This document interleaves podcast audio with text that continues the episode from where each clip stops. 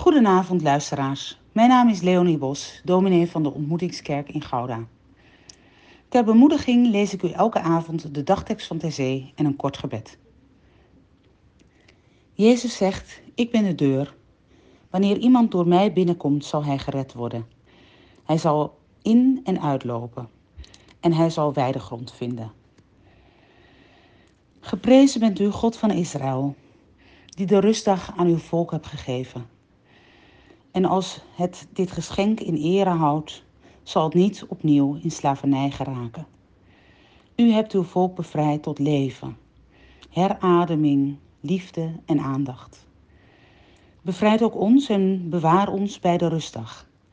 We danken u dat Jezus heeft laten zien dat niet de mens gemaakt is om de Sabbat, maar de Sabbat om de mens.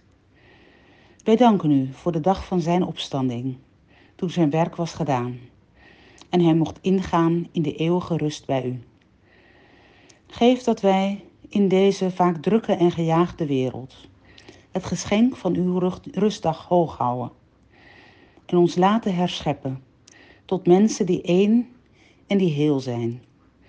Laat zo de eeuwige rustdag al in dit leven beginnen.